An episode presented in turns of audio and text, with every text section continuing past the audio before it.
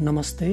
यहाँहरू सबैलाई केटिएम डायरीमा स्वागत छ। म तपाईँहरूकै साथी सन्तोष। आज म तपाईँहरूलाई एउटा कविता सुनाउन गइरहेको छु। कविताको शीर्षक छ तिमी नगइदिएको भए सुन्नुहोस् है तिमी नगइदिएको भए। तिमीले ठिक यस्तो अवस्थामा मलाई एक्लै छाडेर गयौ।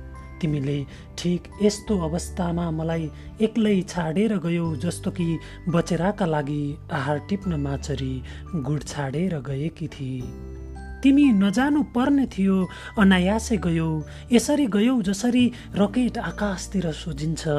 तिमी जानुभन्दा पहिले म चाहन्थे मेरो मजबुरीको हिसाब किताब तिम्रै ओठले एकपटक गनेर गएको भए मेरो हृदयबाट खसेका आँसुका एक एक अक्षर तिम्रै आँखाले पढेर गएको भए मेरा घाँस भन्दा निकै परका विचारहरू तिम्रै मस्तिष्कले छामेर गएको भए समयले बारेका काँडेतारका बाटाहरू तिम्रै पैतलाले नागेर गएको भए पहरामा फुलेका कुनै फुलको जस्तो जीवनका भोगाइहरू तिम्रै शरीरले एकैछिन बाँचेर गएको भए कम्तीमा मसँग पश्चाताप रहँदैन थियो जसले बेला बेला बाडुल्कीबाट तिमीलाई नै जस्काइरहोस्।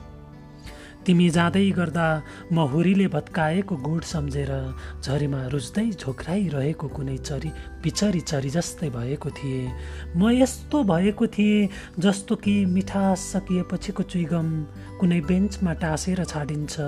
मेरा आँखा ठिक त्यस्तै भएका थिए जसरी खुसी सकिएपछि आँसु सोहोरिएर परेलाका डिलहरूमा टाँसिन्छ। तिमी जाँदै गर्दा म भने तिम्रो पछि पछि आउन सकिन। तिमीलाई त्यस लाग्न सक्छ? यति बेमतलबी मान्छे मेरै जीवनमा कसरी जोडिन आइपुग्यो तिमीलाई त्यस लाग्न सक्छ। यति बेमतलबी मान्छे मेरै जीवनमा कसरी जोडिन आइपुग्यो? तर तिमीले सोचे जस्तो म बेमतलबी मान्छे थिएन र त तिमी जाँदै गर्दा तिम्रै आँखाबाट एकैछिन आफैलाई झकझकाएर हेरेँ। तिम्रो शरीरबाट एकैछिन मेरो आत्मालाई टकटकाएर हेरे तिमी जानुमा तिम्रो अर्को जीवन हुनसक्छ समयले फेरि घुम्टो उगारेको नयाँ बसन्त र नयाँ उत्सव हुनसक्छ तिम्रो बुझाइको नयाँ पखेटा र नयाँ उडान हुनसक्छ उही गोरेटोहरूमा तिम्रो पैतलाको अब नयाँ हिँडाइ हुनसक्छ भर्खरै फक्रिरहेका रहरहरूको एउटा सुन्दर बगैँचा हुनसक्छ समयले सिकाएर गएको जीवनप्रतिको नयाँ दर्शन र विचार हुनसक्छ सबैभन्दा महत्त्व महत्त्वपूर्ण त तिमी कसैको जीवनबाट अचानक फुत्किएर स्वतन्त्र बन्न पुगेकी एउटी चरी हुनसक्छ। के हुन सक्दैन थियो तिमी नगइदिएको भए? के हुन सक्दैन थियो। तिमी नगइदिएको भए जस्तो कि घाम नडुबिदिँदा अध्यारा रात पर्न सक्दैन। जस्तो कि घाम नडुबिदिँदा अध्यारा रात पर्न सक्दैन। बरफ नपक्लिदिँदा पानी बन्न सक्दैन। पानीलाई हावाले नचोइदिँदा लहर बन्न सक्दैन। सायद त्यस्तो एउटा अद्भुत प्रेमको अनुभूति म भित्र नहुन सक्थ्यो। जुन तिमी भर्खरै गइसकेपछि मैले थाहा पाएँ। जुन तिमी भर्खरै गइसकेपछि मैले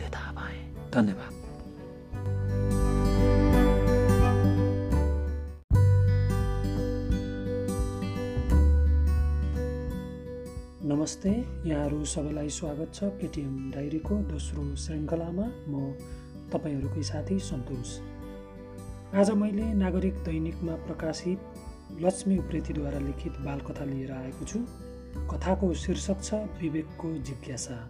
सुन्नुहोस् है विवेकको जिज्ञासा।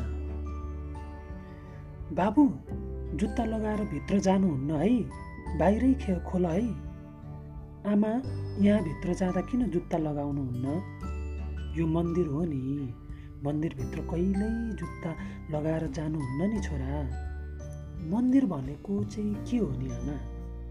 मन्दिर भनेको भगवान्को बस्ने घर हो बाबु। आहा भगवान्को घरमा कति धेरै मानिस आएका।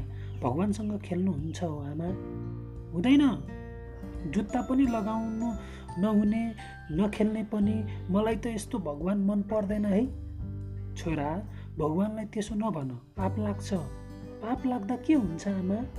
पाप लाग्दा दुःख हुन्छ हानि हुन्छ। त्यस्तो कुरा बोल्नु हुँदैन बाबु। पहिले जुत्ता खोलेर भित्र भगवान्लाई पूजा गर्न जाऊ हिँड। पूजा गरेर बाहिर आएपछि कुरा गरौँला नि हुन्न? सुशीलाले पाँच वर्ष छोरो विवेकलाई फकाइन् त्यसपछि उसले मन नलगाई नलगाई जुत्ता खोल्यो र आमाको पछि पछि मन्दिरभित्र पस्यो। पूजा सकेर मन्दिर बाहिर निस्किए। सुशीलासँग छोराको प्रश्नको जवाफ भने थिएन। त्यसैले छोरालाई केही किनेर ल्याउन खोजिन् विवेक सामानमा नलोभी आफ्नो जिज्ञासाको पछि लाग्न थाल्यो। अब भने छोरालाई कसरी सम्झाउने? भनेर सुशीलालाई आपत पर्यो। मन्दिरबाट बाहिर निस्कँदा उनले छिमेक घरकी छोरी रूपालाई देखिन्।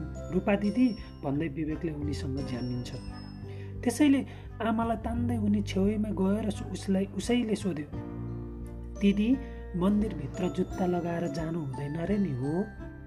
सुशीलाले मन्दिरमा छोरासित भएको सबै कुरा सुनाइन्। रूपाले सुशीला र विवेकका कुरा सुनिन्। एकछिनपछि रूपाले मायालु स्वरमा भनिन् बाबु हामी जुत्ता लगाएर चारैतिर हिँड्छौँ र फोहोर टेक्छौँ होइन त? जि जिज्ञासु विवेकले मुन्टो हलाउँदै भन्यो हो नि दिदी। विवेकको मनोभाव बुझ्दै रूपाले भनिन् हो त्यसो हो भने जुत्तामा किटाणुहरू टाँसिन्छन्। ती किटाणु रोग सार्ने किटाणु हुन्। रोग लाग्यो भने नराम्रो हुन्छ दुःख हुन्छ। रोग लाग्दा कसैलाई पनि फाइदा हुन्न नि होइन त? विवेकले खुसी हुँदै भन्यो हजुर हो नि दिदी। बाहिर हिँड्दा लगाएको जुत्ता त घरभित्र पनि लानु राम्रो होइन। मेरो घरभित्र पनि जुत्ता खोलेर मात्र जान्छौ नि होइन त? त्यस्तै मन्दिरभित्र जाँदा पनि जुत्ता लगाउनु हुँदैन। बुझ्यौ नि विवेक? बुझे रूपा दिदी। विवेक खुसी भयो। सुशीला पनि ढुक्क भइन्। त्यसपछि आमा छोरा रमाउँदै घर आए। लक्ष्मी उप्रेतीद्वारा लिखित विवेकको जिज्ञासा जुनकिरी नागरिक दैनिकमा प्रकाशित कथा तपाईँहरू सबैलाई कस्तो लाग्यो? म यो कथा सम्पूर्ण बालबालिकाहरूप्रति समर्पित गर्दै म मेरो छोरालाई पनि सम्झन चाहन्छु। धन्यवाद।